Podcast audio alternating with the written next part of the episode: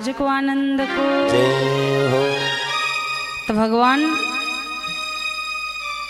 जहाँ हजुरभित्रै हुनुहुन्छ ईश्वर सर्वभूतानां हृदय से अर्जुन तिष्ठति। गीतामा भगवान्ले भन्नुभएको छ अर्जुन। तिम्रो हृदयभित्र मलाई भेट्न सक्दैनौ भने नि। यो संसारको कुनै कुनामा पनि मलाई प्राप्त गर्न सक्नेवाला छैन। यसकारण म हर जीवभित्र छु भन्ने भाव राखेर सेवा गर्नु।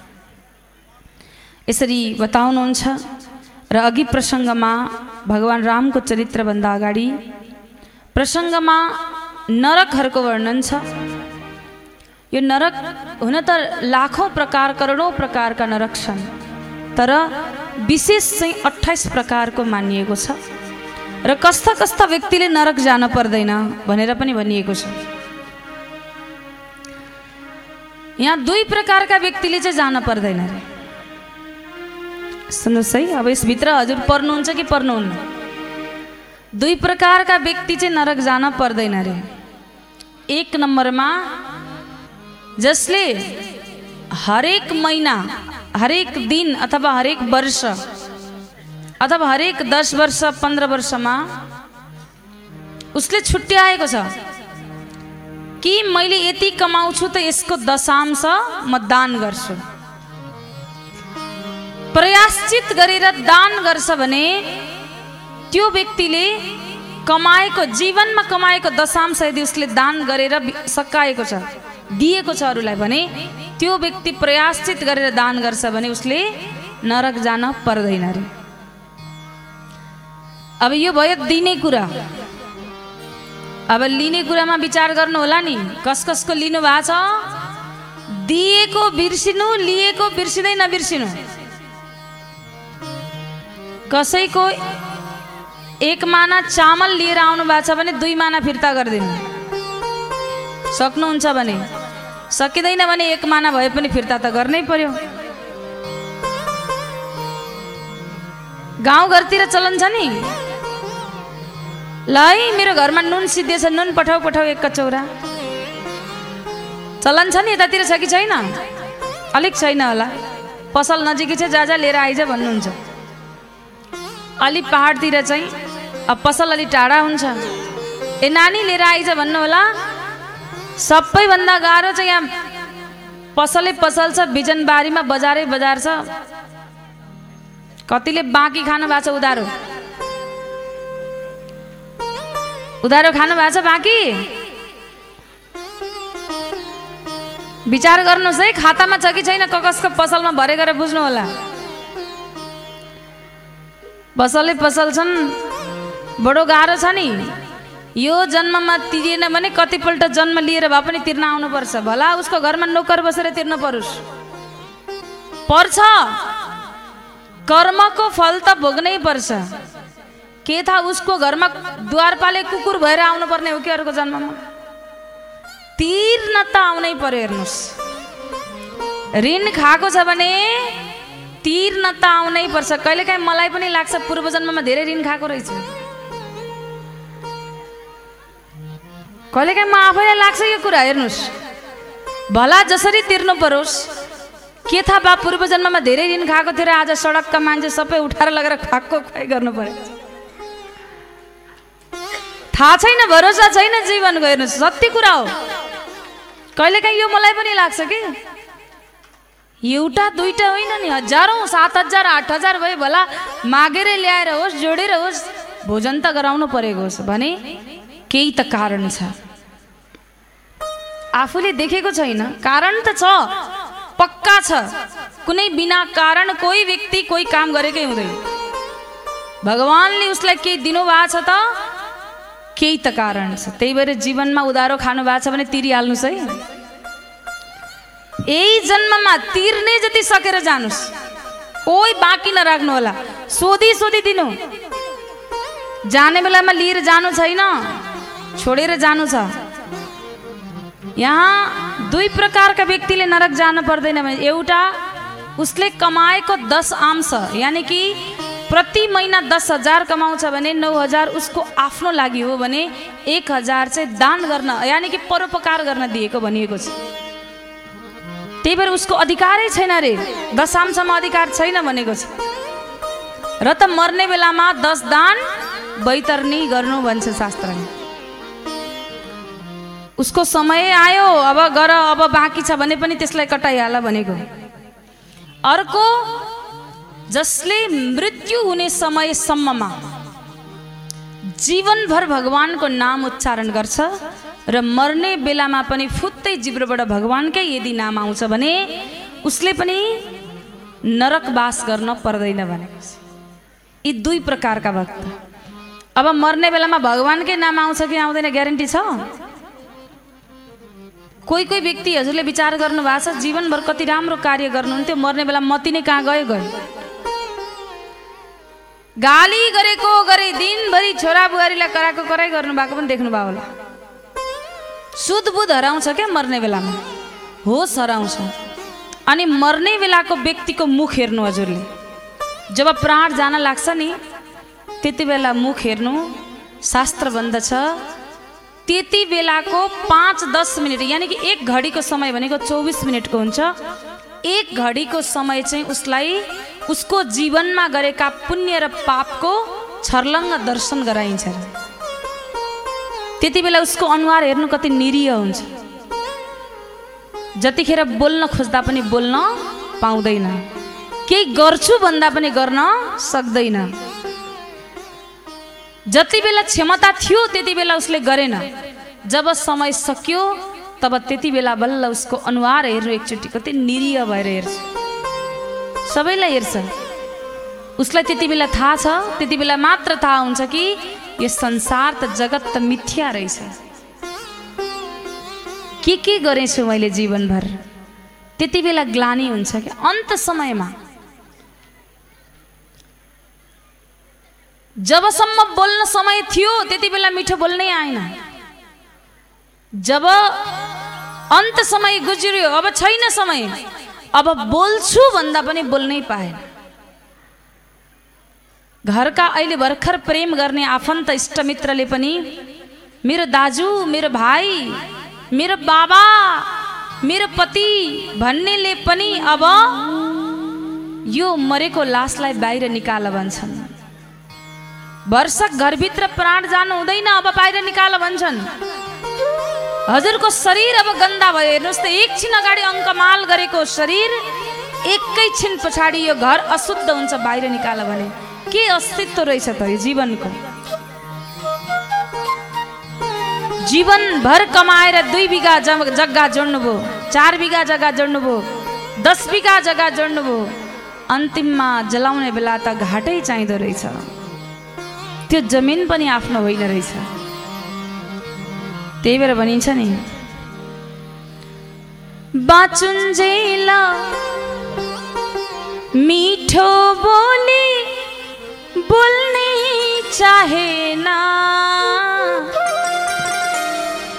बाँचुन्जेल मिठो बोली बोल्नै चाहेन मरेपछि एक शब्द नि। बोल्नै पाएन मरेपछि एक शब्द नि बोल्नै पाएन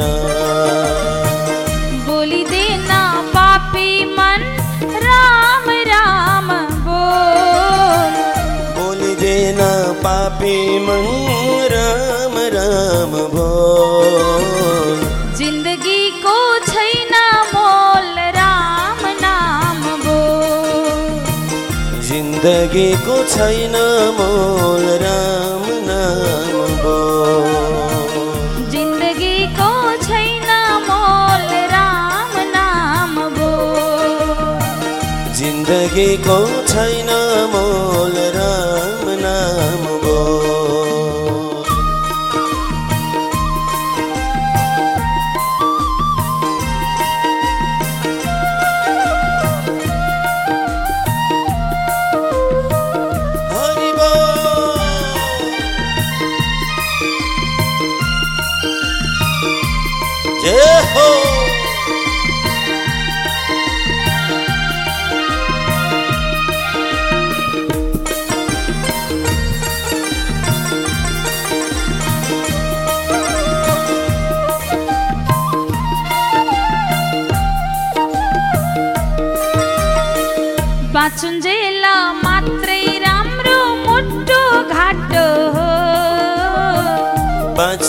बाँचुन्जेल मात्रै राम्रो मोटो घाटो हो।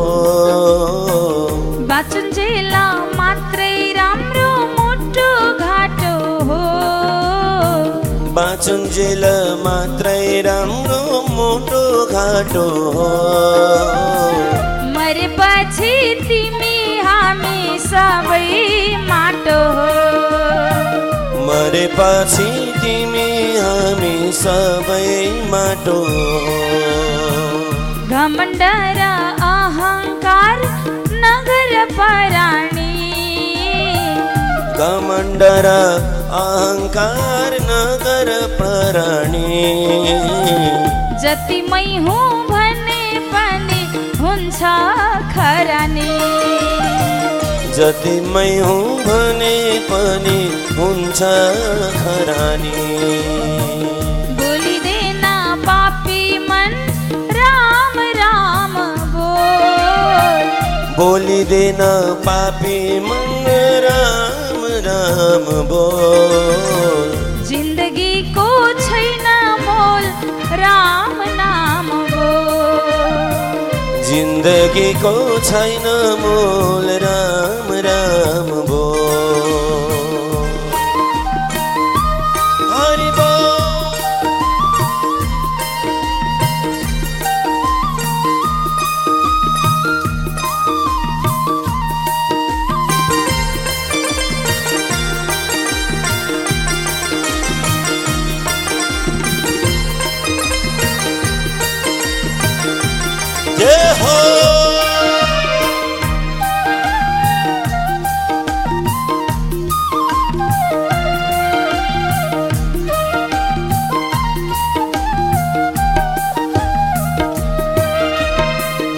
बाचुन्जेल मातिएर बोल्यौ झर्केर। बाँचुन्जेल मातेर बोल्यो झर्केर। बाचुन्जेल मातिएर बोल्यौ झर्केर। बाँचुन्जेल मातेर बोल्यो झर्केर। मरेपछि को आउँछ र फेरि फर्केर मरेपछि को आउँछ र फेरि फर्केर। धनी मानी नहिन धेरै नक्कल पारेर। धनी मानी नहेर धेरै नक्कल पारेर। कसले लगेर सम्पत्ति पोको पारेर। कसले लग्यो सम्पत्ति पोको पारेर। बोलिदेन पापी मन राम राम बोल। बोलिदेन पापी मन राम नाम बोल। जिन्दगीको छैन मोल राम नाम बोल। जिन्दगीको छैन मोल नाम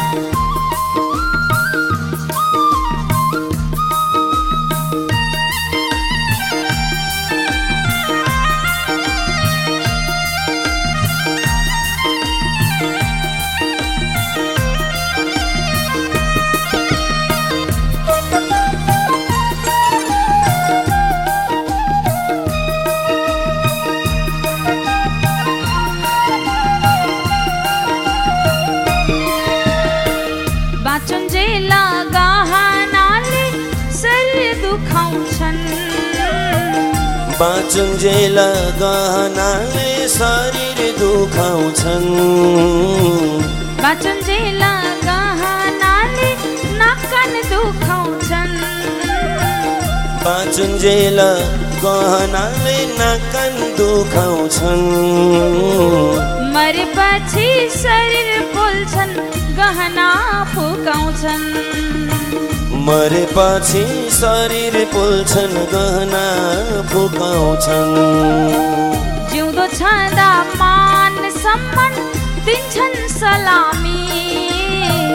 जिउँदो छँदा मान सम्मान दिन्छन् सलामी मरेपछि लान्छन् फल्छन् आउँछन् मलामी। मरेपछि लान्छन् फाल्छन् आउँछन् मलामी। बोलिदेन पापी मन राम राम बोल। बोलिँदैन पापी मङ राम नाम बोल। जिन्दगीको छैन मोल राम नाम बोल।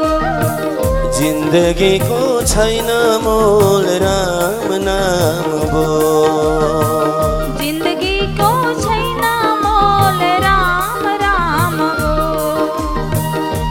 जिन्दगीको छैन मोल राम नाम बोल जिन्दगीको छैन मोल राम नाम बोल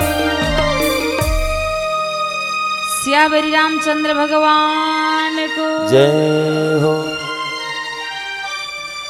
श्याम सदा शिव भगवानको आउनुहोस् अब कथामा प्रवेश गरौँ भगवान शङ्करको कथामा आज माताको चरित्रको वर्णन छ अघि प्रसङ्गमा शिव क्षेत्रमा गरिएको श्राद्धहरूको वर्णन छ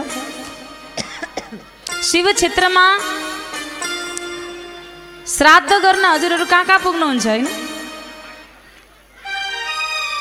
भगवान शङ्करको जहाँ घाट छ नि त्यसको छेउमा प्राय जहाँ मान्छेको शरीर जलाइन्छ त्यो नदीको तटमा गएर प्राय तीर्थ श्राद्ध गर्नुहुन्छ हजुरहरू।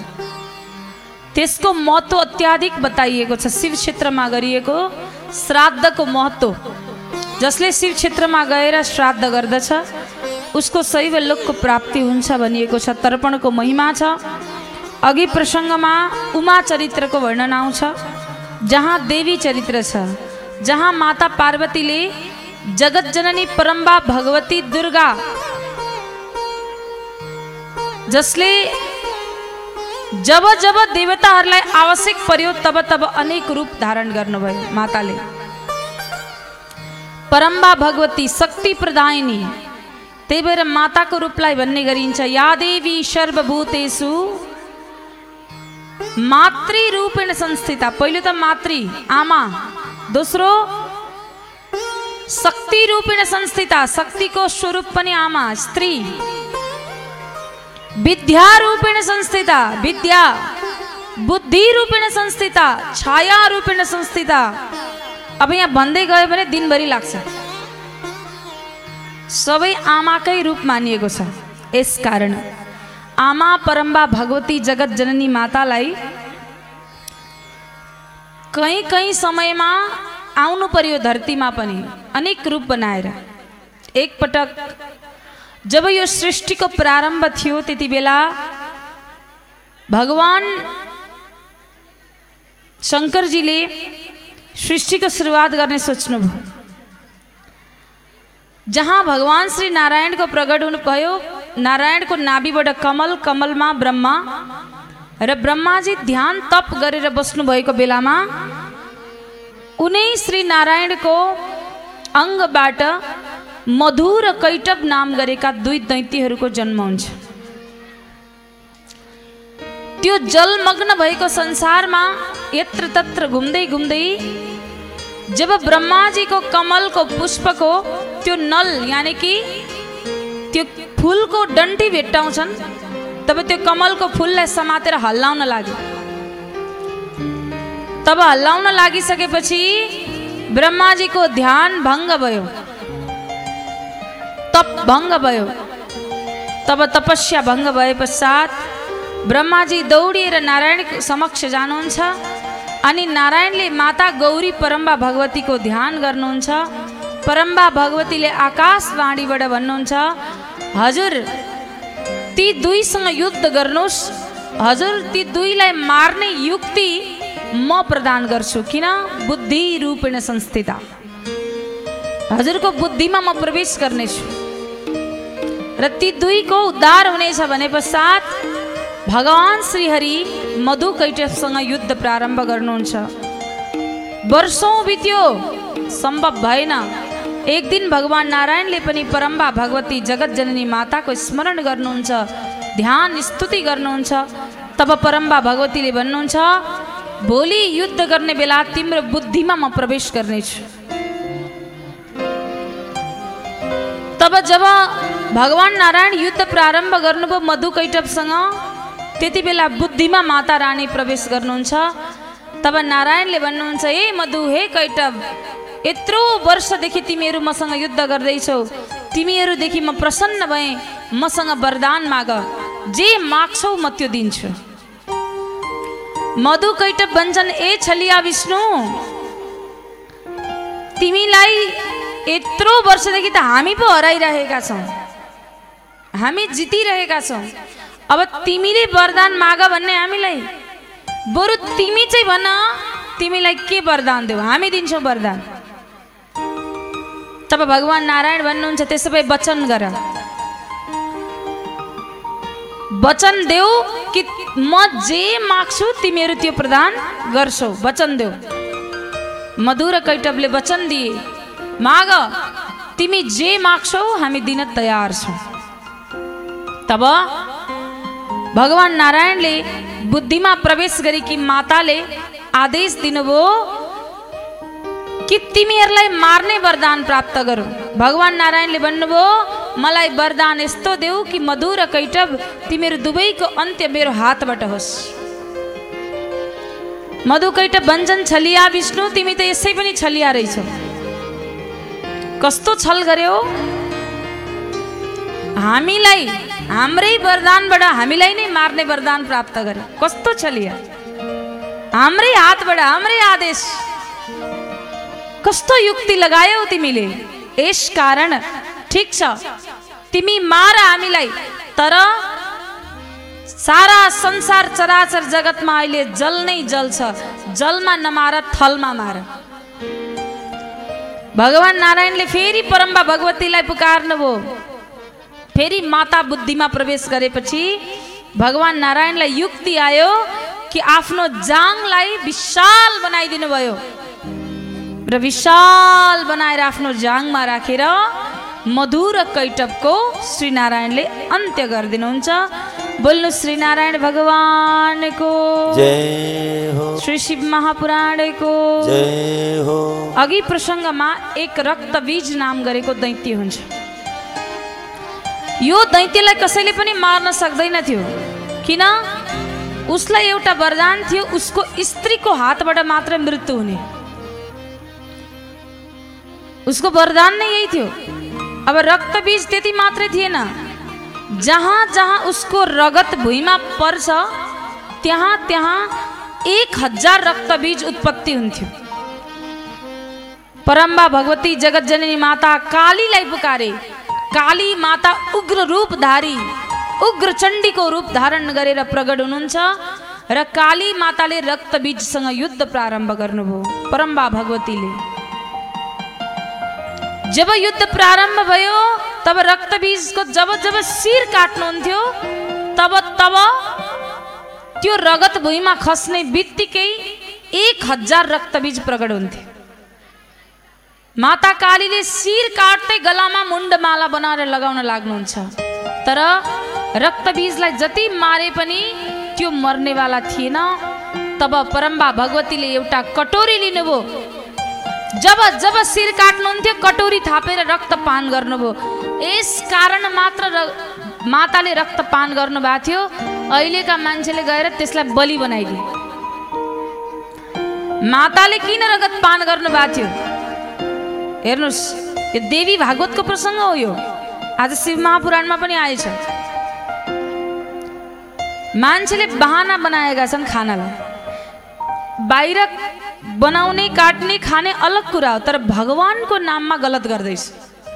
भगवान्को नाममा भगवान् प्रगट भएर त भन्नुहुन्न नि। मलाई चाहिँ सर्लक्क एउटा बोको काटेर चढाऊ। माताले त कहीँ पनि भन्नु नि। एउटी आमाले आफ्नो सन्तानलाई काटेर देऊ भन्नुहुन्छ कहीँ। आमा हो नि आमा। आमाको तुलना त कोहीसँग हुनै सक्दैन। एउटा बच्चा विद्यालयबाट आउँदैछ बाटोमा पानी परेछ।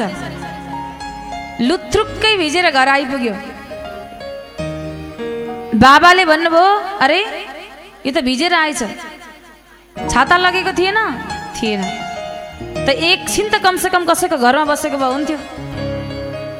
बहिनीले देखिन् अरे यो त भिजेर आएछ त्यहाँ मेरो साथीको घर थियो एकछिन कुरेको भए भइहाल्थ्यो नि। तर त्यति बेला आमा हातमा टवेल बोकेर आउनुहुन्छ अनि भन्नुहुन्छ यो पानी पनि कस्तो मेरो छोरो आउने बेला पर्नुपर्ने आमाको माया त्यस्तो हुन्छ कि? छोरोमा देश दे दोष देख्नु भएन कसलाई दोष लाउनु भयो? बडो प्रेम भाव हुन्छ क्या आमाको? आमा भन्ने चिज नि यो मनुष्यमा मात्रै होइन एउटा जनावरमा हेर्नुहोस् त। कुखुराले चल्ला जन्माउँछ। त्यसको बाबा कहाँ छ थाहा छ? थाहा छ? तर बच्चा नहुर्किन्जेलसम्म ती आमाले त्यो चल्लालाई साथै लिएर हिँड्छ। कुकुरले सन्तान जन्माउँछ। त्यो कुकुरले आफ्नो बच्चा नहुर्किन्जेलसम्म आमाले साथै राखेर हुर्काउँछ। आमाको माया त एउटा जीव जन्तुमा पनि उति नै छ कि? यसको तुलनै छैन। नब्बे वर्षको बाबालाई पनि आमाको माया खड्किन्छ कहिलेकाहीँ। आमा भन्ने शब्द त कहिले तुलनै हुँदैन। संसारकै उच्च शब्द हो। त्यही भएर पहिले आमालाई पुकारिन्छ त्वमेव माता च पिता त्वमेव पहिले आमा अनि मात्रै बाबा।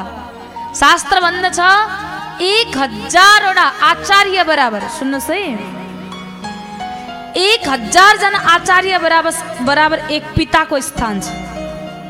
पिताको। अनि एक सयवटा पिता बराबर एउटी माताको स्थान छ। आमाको स्थान त कसैले लिनै सक्दैन। त्यो भाव त्यो स्थान आमालाई दिएको छ हेर्नुहोस् संसारले त्यही भएर त यो देशलाई पनि हजुरहरू भारत माता भन्नुहुन्छ होइन? आमा किन भन्नुहुन्छ? आमा पुकार्नुहुन्छ। आमाको स्थान त विश्वमै कहीँ पनि छैन। त्यति स्थान माथि राखेको छ आमालाई। पहिले राधाको नाम नआई कृष्णको नाम आउँदैन। सीता नभनी रामको नाम आउँदैन। वेद माता जहाँबाट हाम्रो शास्त्रहरूको सुरुवात भयो त्यसको ज्ञान उद्गम निगम वृक्ष भनेकै वेद माता आमा हो आमा।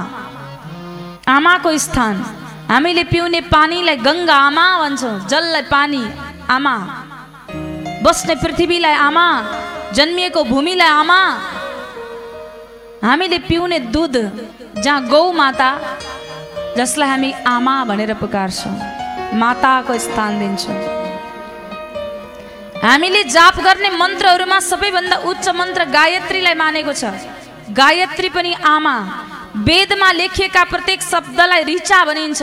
ऋचा भनेको पनि आमा स्त्री। त्यही भएर नि आमा हजुरहरूलाई अनुरोध छ मेरो।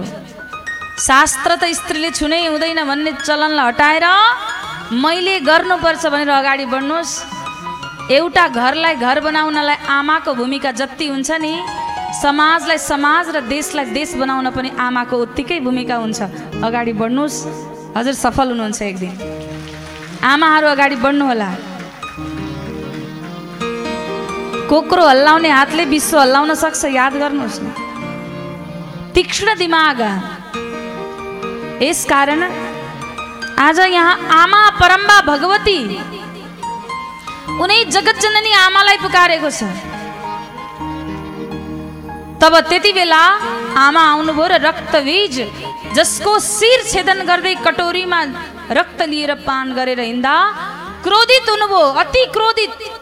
त्यसलाई शान्त गर्न कोही सम्भव थिएन।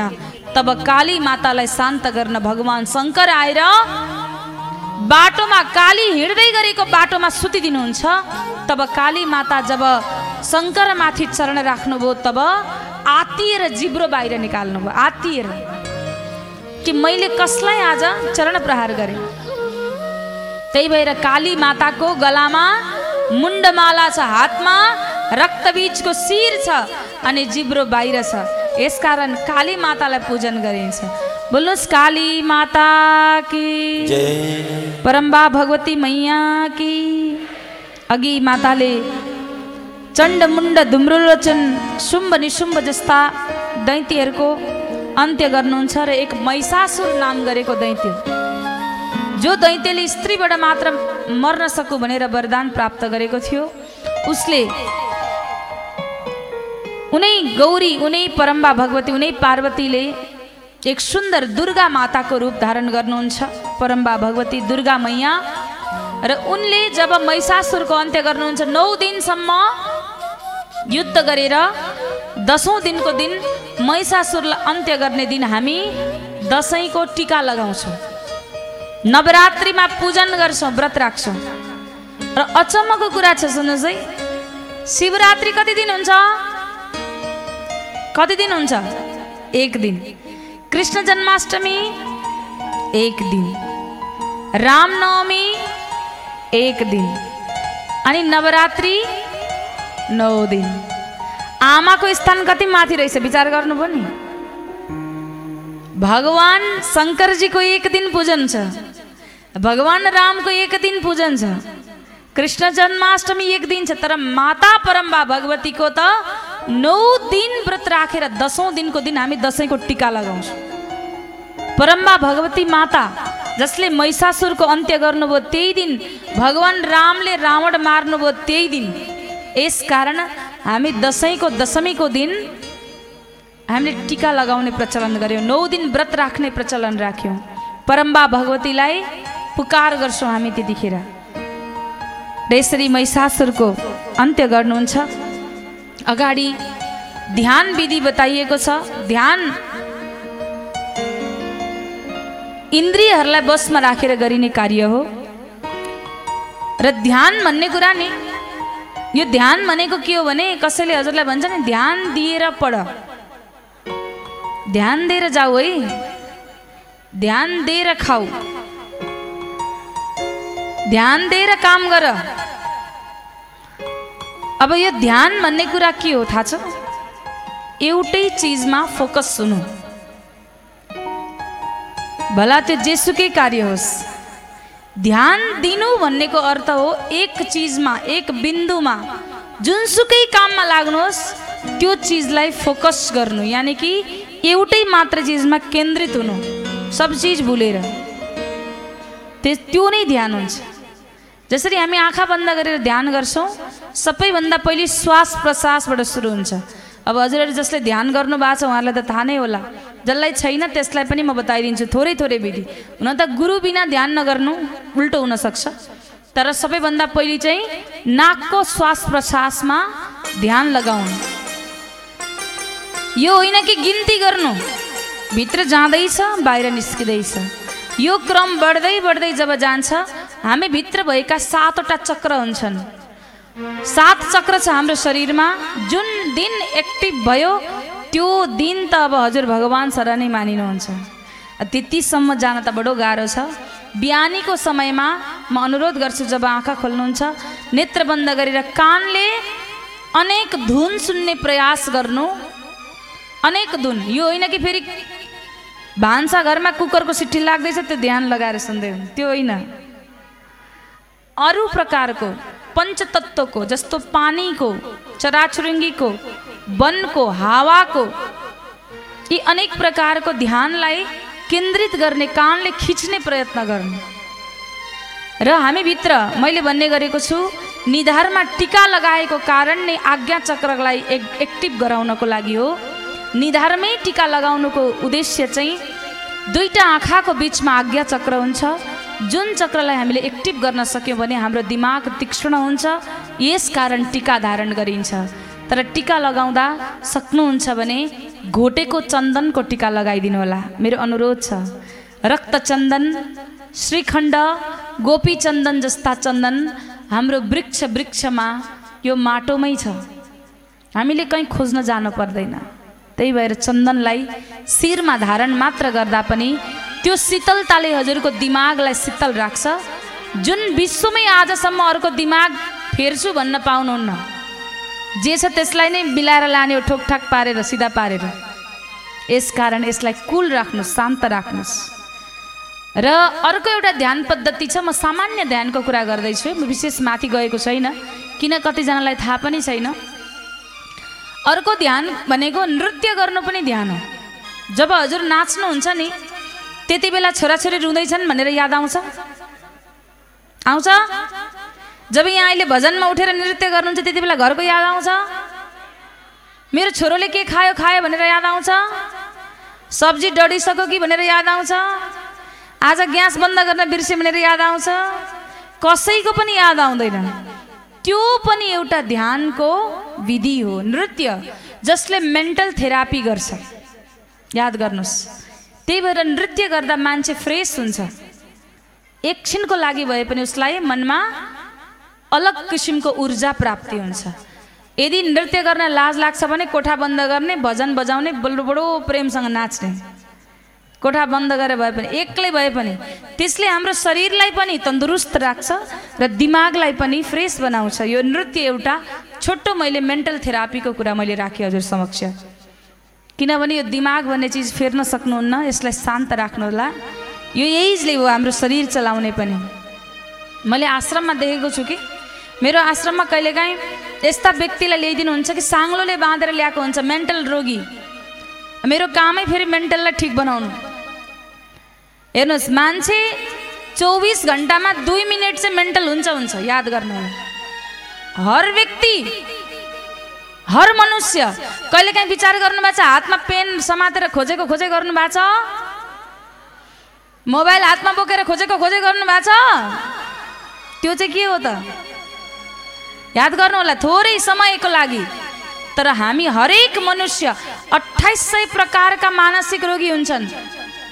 जसमध्ये हामी पनि पर्छौँ सबै पर्छौँ। तर हामीमा कन्ट्रोल गर्न सक्ने क्षमता छ उसले त्यो पावर गुमायो त्यही भएर ऊ मानसिक रोगी भयो।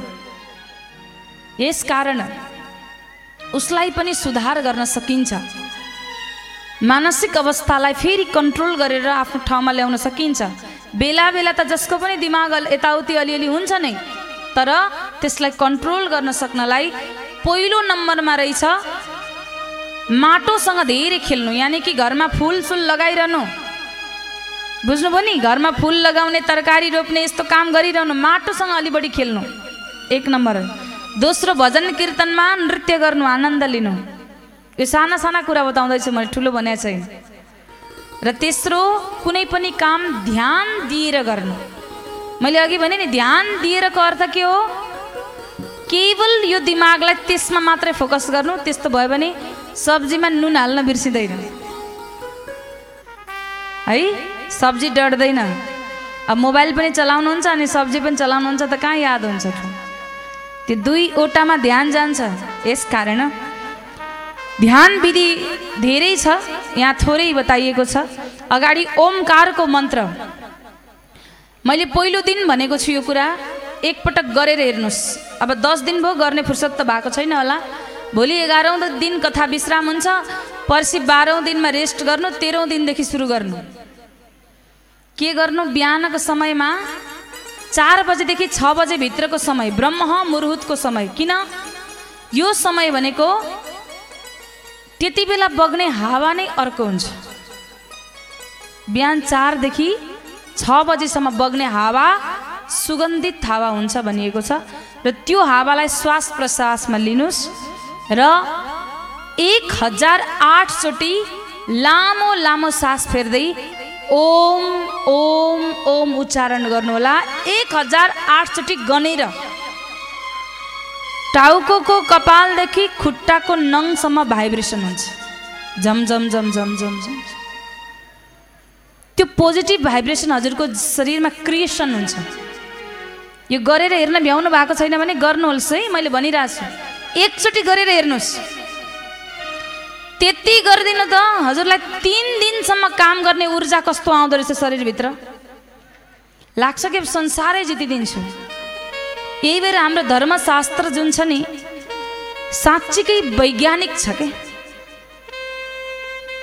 यस्तो साइन्टिफिक छ कि अस्ति भर्खर कोरोना कालमा हामीलाई चौध दिनको क्वारेन्टाइन बस्नुपर्छ भन्यो होइन?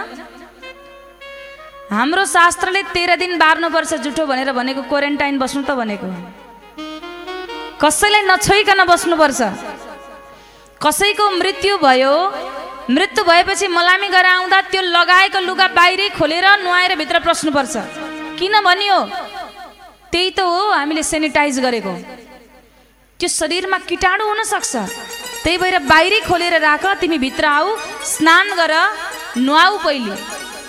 अनि एक छाक खाना सात्विक खाऊ ताकि कुनै रोग छ भने पनि सात्विक भोजनले तिमीलाई शान्त गरोस्।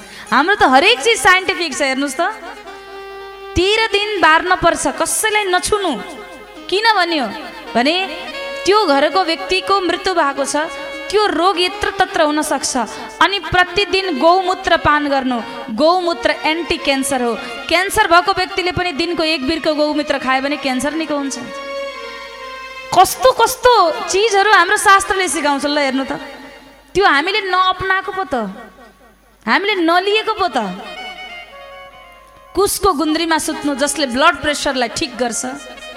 गौ माता घरमा राख्नु किन भनियो? गौ माताले जहिले पनि श्वास लिँदा असी प्रतिशत अक्सिजन फाल्छिन्। अक्सिजन लिने र अक्सिजन फाल्ने कोही प्राणी छ त त्यो गौमाता। एक नम्बर। दोस्रो दुधलाई अमृत मानियो। तेस्रो गाईको जुरोले पाँच सय मिटर वरिपरिको सूर्यको विकिरणबाट आउने क्यान्सरको सेल्सलाई खिच्छ जसको कारण घरका व्यक्तित्वहरूलाई बिरामी हुनबाट बचाउँछ। गौ माता साँच्चीकै किन माता बन्यो? त्यही भएर त गोरखाली भन्छौँ नि किन भनेको? गोरखाली गौ माताको सेवा गर्ने गौ रक्षक भएको कारण गोर्खाली भएको। भगवान् कृष्ण पनि नि यो धरतीमा गाईको सेवा गर्न आउनुहुन्थ्यो याद गर्नु होला यसै भनिएको होइन धेरै कुरा छ धेरै कारण छ। र यहाँ यो धरतीमा हामी जो आएका छौँ त यिनै चिजको भगवान् धर्म संस्थापनार्थाय सम्मेवामी युगे युगे भगवान् धर्मको रक्षा गर्न आउनुहुन्छ त हामीले पनि मनुष्य जीवन पाएको छ थोरै त प्रयास गरौँ आमा भन्न सिकेकै गाईबाट त हो नि गाईले गाईको बच्चाले कराएको सुन्नु भएको छ लोकल गाईको भनेको नि फेरि जर्सी गाई भने होइन जर्सी गाईले त ठ्याक्कै मान्छे मर्या बेला सँग फुके जस्तै फुक्छ सुन्नुभयो होला हजुरले? तर लोकल गाईले कराएको सुन्नु भएको छ भने आमा भन्छ सुन्नु ध्यान दिएर एकचोटि। प्रष्ट आमा भन्छ उसले। त्यो आमा भन्ने शब्द नै हामीले त्यही गौमाताबाट सिकेका छ। अन्नको दोहन गौमाताबाट भएको छ यो भागवतमा प्रमाण छ। त्यही भएर अन्न दोहन कुनै पनि अन्न बन्नुभन्दा अगाडि पहिले दुध हुन्छ। धान चामल बन्नुभन्दा पहिले दुध हुन्छ अनि बल्ल चामल बन्छ। गहुँ बन्नुभन्दा अगाडि पहिले दुध हुन्छ अनि गहुँ बन्छ। मकै बन्नुभन्दा अगाडि पहिले भित्र दुध हुन्छ अनि मकै बन्छ। प्रत्येक अन्नमा याद गर्नुहोला। दुधबाट अन्न दोहन गौमाताबाट बनेको छ। यहाँ यस कारण हाम्रो शास्त्र हाम्रो यति पुरातन सभ्यता हो जहाँ हाम्रा ऋषिमुनिहरूले ओप्सानी लगाएर खाना खानु भने किन बाहिरबाट आउने किटाणु ती अल्मलिन्छ म मजाले खाना खान्छु। पहिले नै बाहिर राखिदिनु। पानीले घेरेपछि कमिला आउँदैन याद गर्नु होला कमिला हिँड्दै गरेको बाटोमा पानी छोडिदिनुहोस् त बाटो युटर्न गरेर फर्किन्छ। कुनै पनि किटाणु नआउनु। अनि भुइँमा बसेर खाना खानाले हाम्रो पाचन प्रक्रियालाई बडो तगडा बनाउँछ। यस कारण पिरामा बसेर खाना खानु भनेर भनिएको छ। त्यति मात्रै छैन। सिखा चोटी चोटी राख्नुको अर्थ चोटी कत्रो राख्नु गाईको खुर जत्रो भनिएको छ। त्यो हाम्रो शरीरको एन्टिना हो रे। जसले चोटी राख्छ उसको दिमाग तीक्ष्ण हुन्छ भनिएको छ। चन्दन धारण गर्दा दिमाग शीतल हुन्छ भनिएको छ। जनेउ धारण गर्दा मुटु स्वास्थ्य हुन्छ भनिएको छ। रुद्राक्ष धारणले हाम्रो मुटुको धड्कनलाई स्थिर ठिक समयमा अर्थात् ब्लड प्रेसरलाई तलमाथि हुनबाट सुरक्षित गर्छ भनिएको छ। अनि जमरा किन लगाइन्छ? दसैँको टिकामा। जमरा एन्टी क्यान्सर हो। जसले जमराको जुस खानुहुन्छ उसको जीवन बडो स्वस्थ हुन्छ। हरेक चिजको एउटा एउटा कारण छ। बेलपत्रको त्यस्तै कारण छ दुबोको त्यस्तै कारण छ। पक्षीलाई सर्पलाई गाईलाई पशुलाई नागलाई पूजा गर्ने हाम्रो धर्म संस्कृति प्रकृतिलाई पनि उच्च स्थान दिन्छ हेर्नु त। जसको कारण हामी जिउँदैछौँ भन्छ उठ्ने बित्तिकै पृथ्वी ढोग्नु भनेको किन? यसलाई कुल्चिन्छौँ थुक्छौँ फोहोर गर्छौँ तर पनि यसले अन्न उब्जाएर दिन्छन्। यस कारण हामी बस्ने घर सुरक्षित राखिदिएकी छिन्। यस कारण यस पृथ्वीलाई नमन गर्नु भनिन्छ। भने बडो अब यो एकैछिनमा बताएर त सकिँदैन तर पनि हाम्रो संस्कार सभ्यता र संस्कृति साँच्चीकै वैज्ञानिक छ।